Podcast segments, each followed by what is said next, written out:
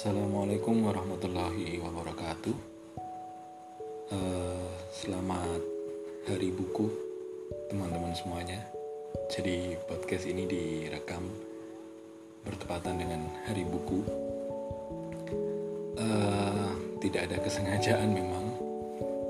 Cuma sebetulnya podcast ini ingin merespon podcast saya sebelumnya, podcast Radika Podcast uh, edisi 6 episode ke-6 ketika saya ngobrol dengan Agus Wedi mahasiswa IAT di situ saya kira ada sejumlah hal menarik yang ketika ngobrol saya pun sebenarnya agak kaget dengan apa-apa yang disampaikan oleh seorang Agus Wedi gitu Misalnya dia menulis setiap hari, kemudian mewajibkan membaca 10 buku dalam satu bulan. Bagi saya itu cukup mencengangkan begitu ketika uh, tidak banyak orang yang mau menempuh jalan itu gitu. Padahal bisa aja dia melakukannya gitu. Membaca buku ya entah dia perpus atau pinjam teman kalau misalkan kendalanya soal uang untuk membeli ya atau atau apa pun gitu. Nah, uh, podcast ini ingin menjadi apa respon atau tambahan barangkali ya dari apa yang sudah disampaikan Agus Wedi di Radika Podcast edisi ke-6. Nah, judul dari episode ini di podcast saya ini sebenarnya adalah menembus media massa. Saya ingin fokus ke sana. Kalau di pod di Radika Podcast itu kan bisa panjang lebar ya, bisa membahas tentang Madura, bagaimana kuliah, bagaimana perbedaan esai dan uh, jurnal itu itu panjang lebar sekali. Dan bagi saya itu semuanya menarik begitu. Tapi di podcast ini akan fokus tentang bagaimana menembus media massa. Gitu tentu karya non fiksi ya artikel atau esai yang itu lazim ada di Solo Pos misalnya atau Tribun Jateng begitu ya atau ya media-media lain begitu. Oke, saya ingin mengulas yang pertama adalah mengenai uh, kebiasaan Agus Wedi menulis setiap hari. Jadi dia bilang menulis apa pun esai, resensi setiap hari tanpa jeda. Setiap malam dia biasa menulis itu malam gitu ya. Nah, bagi saya ini memang salah satu cara penting bahwa melatih sesuatu apa ya sesuatu itu kita akan bisa sampai tahap yang mahir atau di atasnya lagi itu pakar kalau memang kita berlatih setiap hari coba cek pemain bola itu kan kalau ya mungkin mereka bertanding hari Sabtu atau Minggu gitu. Tapi kan bukan berarti antara Senin sampai Jumat mereka nyantai-nyantai aja. Mereka duduk-duduk di rumah atau main atau apa kan enggak. Setiap hari mereka berlatih. Melatih fisiknya, melatih tekniknya gitu. Agar ya badannya tetap prima, tekniknya semakin naik begitu. Dan semakin dilatih itu kan semakin semakin bagus begitu. Konsistensi. Bayangkan saja kalau pemain bola itu misalkan dia cuma bertanding di Sabtu atau Minggu selebihnya mereka nyantai gitu ya. Makannya juga nggak dijaga gitu. Ya kita bisa membayangkan apa yang yang mungkin terjadi begitu kan. Artinya konsistensi ini juga penting. Ini juga untuk menempa diri ya memang menjadi penulis itu susah-susah gampang. Artinya begini yang dia taklukkan itu ya dirinya sendiri. Penulis kan tidak punya bos. Dia bukan kayak misalkan bekerja di rumah makan yang di situ ada bos yang di situ kita memang kerjanya harus jelas katakanlah kita sebagai waiters begitu sebagai pelayan begitu ya. Itu kita diawasi kita dikontrol oleh seorang bos misalnya atau manajer atau apa pun sebutannya ada atasan begitu loh Begitu juga kita kerja di kantor, di kampus, di sekolah itu ada atasan. Ada kepala sekolah, ada dekan gitu. sementara penulis tentu tidak. Dia bisa aja bermalas-malasan kan? Dia dia bisa aja terus tidak ngapa-ngapain begitu. Tapi Agus Wadi memilih jalan untuk kemudian setiap hari dia harus nulis. Setiap hari dia harus uh, berkarya begitu. Ini mengingatkan saya bagaimana Putu TA merintis karir sebagai cerpenis di awal-awal karir apa di awal-awal uh, dia mulai menulis begitu ya. Jadi dia pernah bercerita ya dia dulu sempat apa ya uh, kayak pengen begitu bisa dimuat di media massa. Dan ya cara dia adalah berlatih setiap hari nulis cerpen setiap hari. Kayak apa apa sejadi-jadinya cerpen begitu ya percaya aja di antara sekian banyak itu misalkan satu bulan 30 cerpen ada salah satunya yang bagus begitu ada salah satunya yang bisa dimuat di koran begitu. Dan Agus Budi juga bilang 30 yang ditulis itu tidak semua apa setiap hari menulis itu tidak semua tulisan itu dikirim ke media massa gitu. Ada satu dua yang mungkin dia pikir layak itu yang dia dia kirim begitu. Cuma memang kalau sudah terbiasa sudah sangat ya kayak kita makan kayak kita apa ya mandi itu kan kayak kebutuhan yang mungkin Agus Budi sudah di fase itu begitu. Nah eh, soal kegigihan ini juga mengingatkan saya kepada sosok Joni Aryadinata. Cerpenis dulu sangat produktif sekali lah cukup disegani gitu lah sebagai seorang cerpenis. Joni Aryadinata dan ini sering diceritakan di banyak apa ya kelas-kelas menulis begitulah konon dia itu sampai mengirim 500 kali ke Kompas agar cerpennya bisa dimuat di Kompas itu gagal kirim lagi gagal kirim lagi saya nggak tahu dia betul-betul menghitung atau tidak tapi kira-kira sekitar 500 cerpen yang dia kirim sampai akhirnya tembus gitu. Artinya ini bukan soal angka tapi soal kegigihan. Kegigihan dan daya juang saya menyebutnya begitulah ya. Soal apa ya? Uh, stamina, soal ya daya tahan, daya juang gitu. Memang penulis bukan untuk orang menjadi penulis bukan menjadi seorang yang lemah gitu, orang-orang yang lemah yang biasa yang sekali ditolak terus patah hati ditolak media maksud saya terus mutung gitu ya susah gitu. nah kemudian Agus Wadi juga mewajibkan dirinya baca buku. Kalau soal baca buku saya pikir ini tidak perlu dibahas. Saya pikir sudah clear seorang penulis ya harus mau membaca buku gitu. Seorang penulis adalah seorang pembaca buku yang rakus yang mau menyisihkan uangnya untuk beli buku begitu ya. Beli buku juga sekali lagi tidak harus uh, di toko buku yang baru yang segel yang mahal uh, yang mahal ya tentu saja bagi sebagian orang. Ya bisa juga kalau kendala kita dana kita bisa pergi ke geladak gitu. Saya kan belum lama ke sana ya dapat buku yang saya pikir cukup bagus dengan harga 20 atau 15 ribu begitu uh, itu kan sangat terjangkau sebetulnya gitu bekas itu itu sebenarnya uh, apa ya buku baru itu kan buku yang belum pernah kita baca gitu. Meskipun fisiknya dia buku bekas bekasnya orang lain gitu. Tapi kan ilmunya informasinya itu sesuatu yang baru begitu.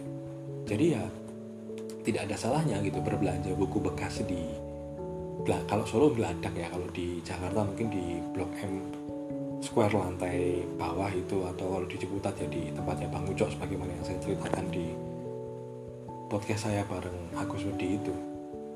Artinya clear lah soal baca buku. Nah soal target memang cukup keren lah ya dia 10 buku gitu. Itu kelihatan betul itu betapa hausnya dia dengan bacaan gitu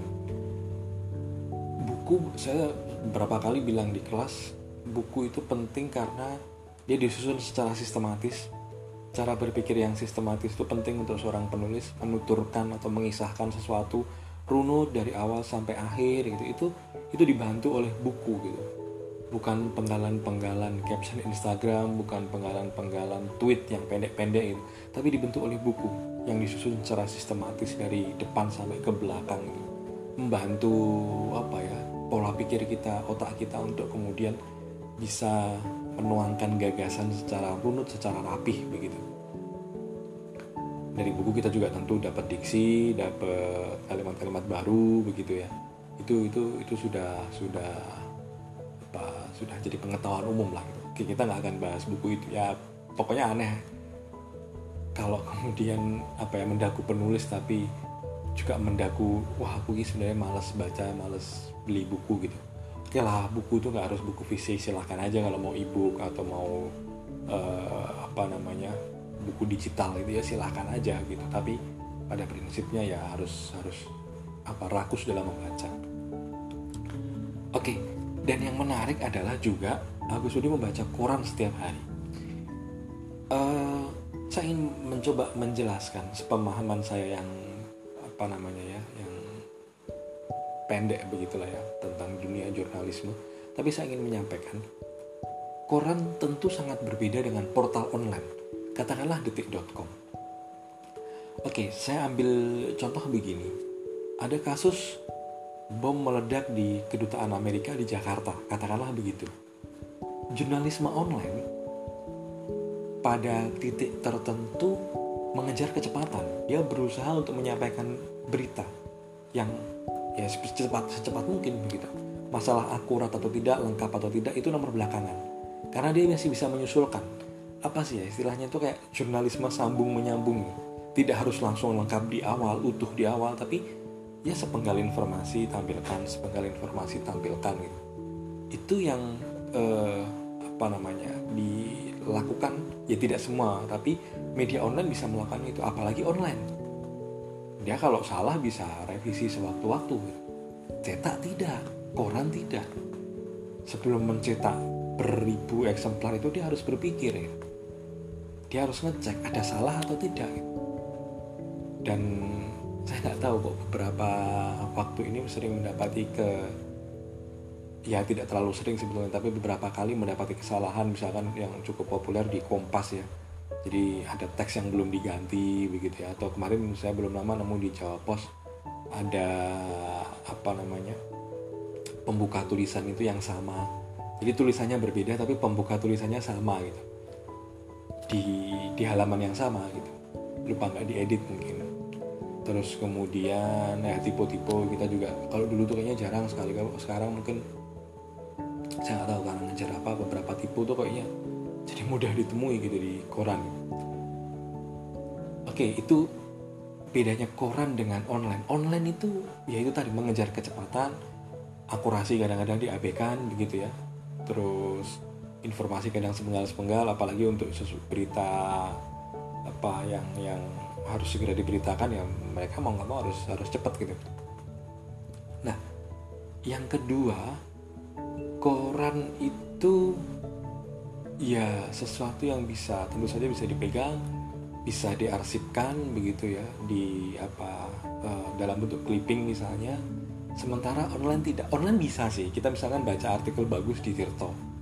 Kita mau nyimpen di mana gitu? Mungkin kita punya uh, apa namanya semacam bookmark atau apa gitu mungkin ya ya bisa sih. Tapi kadang-kadang itu lain gitu di koran kita juga bisa memantau eh, berita-berita uh, terkini yang yang kemudian itu sudah di apa ya sudah di saring begitulah ya oleh oleh redaktur begitu. Jadi kebiasaan membaca koran dan terutama begini apalagi kalau buat penulis yang ingin menembus koran ya dia harus tahu karakter tulisannya Solo Post itu esainya gimana Kompas itu esainya gimana dan Agus Budi melakukan itu gitu. Dia ingin membaca dia membaca untuk tahu karakter tahu karakter nanti untuk kemudian nembus gitu. Bahkan sampai detail-detail kecil itu seorang penulis harus perhatikan harus memiliki perhatian. Artinya misalkan begini esai atau cerpen di sini tidak boleh lebih dari 9000 karakter gitu. itu diikuti aja gitu. kalau ngirim ya jangan sampai lebih dari 9000 karakter. Karena kalau redaktur redaktur mungkin nggak baca dulu nih isinya kayak apa tapi dicek dulu panjangnya wah lebih dari 9000 karakter. Mungkin dia males untuk membaca dan kemudian ya apalagi menerbitkannya gitu. Tapi kalau tertib kurang dari 9000 oh ya mungkin ada kesempatan untuk dibaca dan kalau bagus diterbitkan gitu. jadi itu uh, koran itu kita belajar dan bahkan Agus Budi belajarnya bagi saya cukup cukup apa ya mungkin ekstrim kali ya. Dia menyalin tulisan dia menyalin tulisan ya tulisan yang bagus di koran kemudian diketik ulang. Kalau nggak diketik ulang ya tulis tangan ulang gitu. Untuk bisa mendapatkan apa ya rosol gitu lah ya atau atau mungkin apa nuansa atau ya karakter lah karakter tulisan lah. Sebenarnya seperti apa sih yang dimuat Solo Post seperti apa yang dimuat Kompas gitu. Dia harus dan dia membayangkan bahwa dia seperti sedang menulis gitu. jadi ini ini penting ya membaca karakter media dan ya dilakukan dengan membeli membeli koran gitu. Dan memahami bagaimana uh, esai-esai yang ditulis di situ atau cerpen atau atau apa pun lah gitu resensi yang yang ditulis itu model-modelnya bagaimana gitu. Itu itu dipelajari gitu dan caranya adalah membaca koran. Dan mengclipping itu bagi saya ya kerja-kerja yang sebenarnya masih layak dan perlu terus dilakukan di era digital ini digital itu kan kayak banjir informasi begitu ya terus seolah-olah berita itu yang barangkali tidak kita butuhkan itu nyampe ke kita gitu. tapi kalau di koran itu ya saya tidak ingin terlalu apa ya kayak mengagungkan koran lebih baik dari online gitu enggak juga tapi apa ya kita kayak merasa bayangkan kalau teman-teman langganan koran begitu setiap hari dapat asupan esai-esai yang bagus ya tidak tidak selalu setiap hari ya tapi akan sering mendapatkan asupan esai yang bagus terus semakin bisa membaca karakternya begitu ya. Terus kemudian ada hal-hal baru di situ yang bisa teman-teman akses. Misalkan kadang di Kompas ada rubrik bahasa terus yang suka fotografi di koran itu juga sering kali ada rubrik untuk fotografi yang suka cer cerpen uh, apa namanya ya di hari Minggu atau hari Sabtu itu kadang juga ada gitu. Jadi dan misalkan cerpen itu kadang tidak kita temukan di online ya khusus untuk di uh, koran itu aja. Kecuali kalau kita langganan e-paper ya mungkin itu lain. Tapi kalau yang khusus koran cerpen itu ya ada. Saya jadi ingat masa-masa di Ciputat dulu. Jadi saya kalau hari Minggu biasanya membeli beberapa koran Jawa Pos, Tempo, Kompas biasanya. Untuk membaca cerpen. Dulu dulu ada satu masa saya sangat pengen menjadi penulis cerpen gitu. Sampai sekarang sih juga masih beberapa kali menulis beberapa kali dimuat begitu. Nah ya cara caranya ya begitu tuh membeli beberapa koran kita baca. Kemudian meskipun belakangan juga sudah ada sih apa namanya seperti website yang menghimpun cerpen-cerpen yang terbit di hari Minggu. Tapi kan apa kadang kepuasannya itu ya ya beda gitu. Ya kalau mau apa namanya diromantisir itu kan ya baca koran sambil ngopi sambil nyantai hari Minggu pagi begitu kan.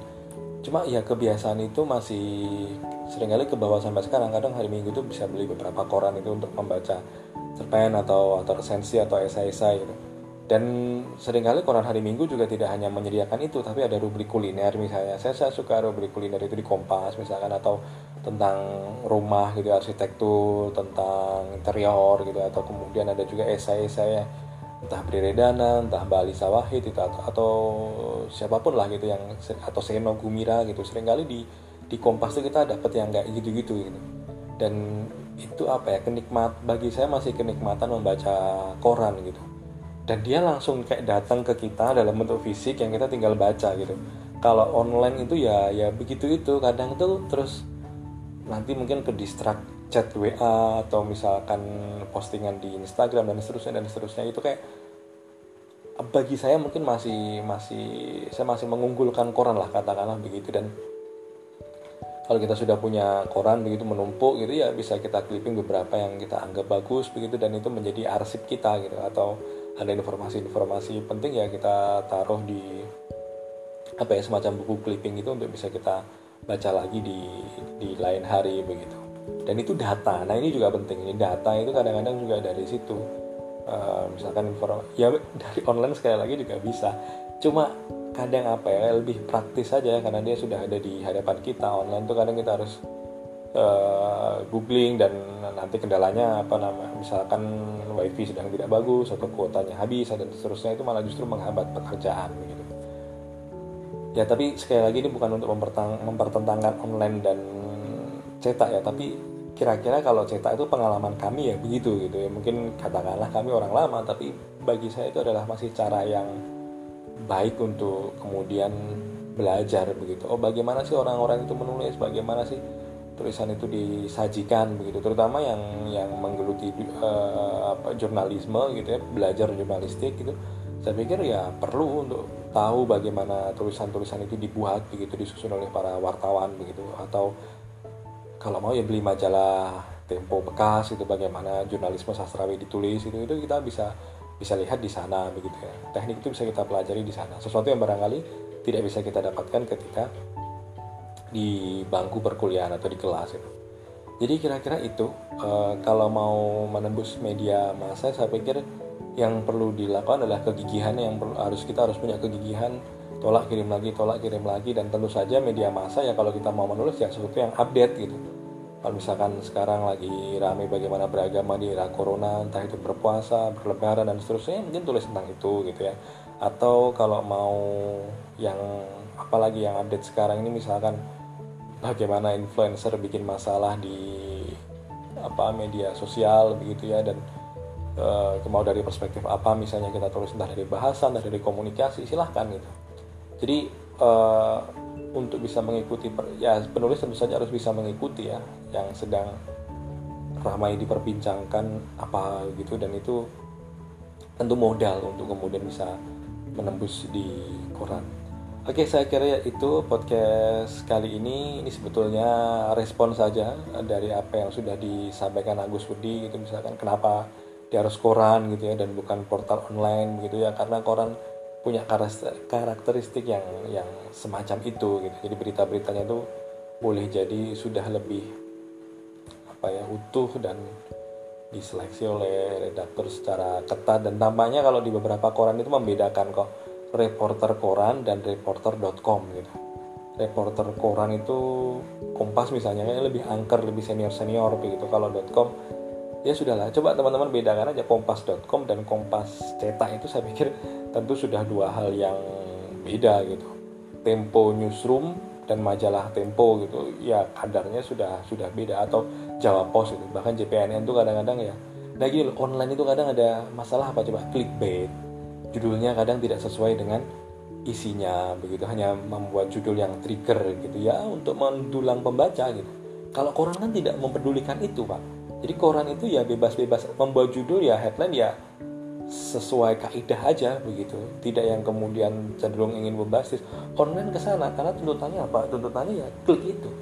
Tuntutannya ya dia harus bisa mendapatkan klik yang banyak gitu. karena ya di situ ada iklan ada bisnis ada industri media yang harus jalan gitu. Dan di koran bedanya mungkin kita tidak ada yang yang semacam itu gitu, yang cenderung ingin klik clickbait atau uh, apa ya cenderung ingin mendapatkan klik dari pembaca yang di situ ya tentu muaranya adalah keuntungan gitu.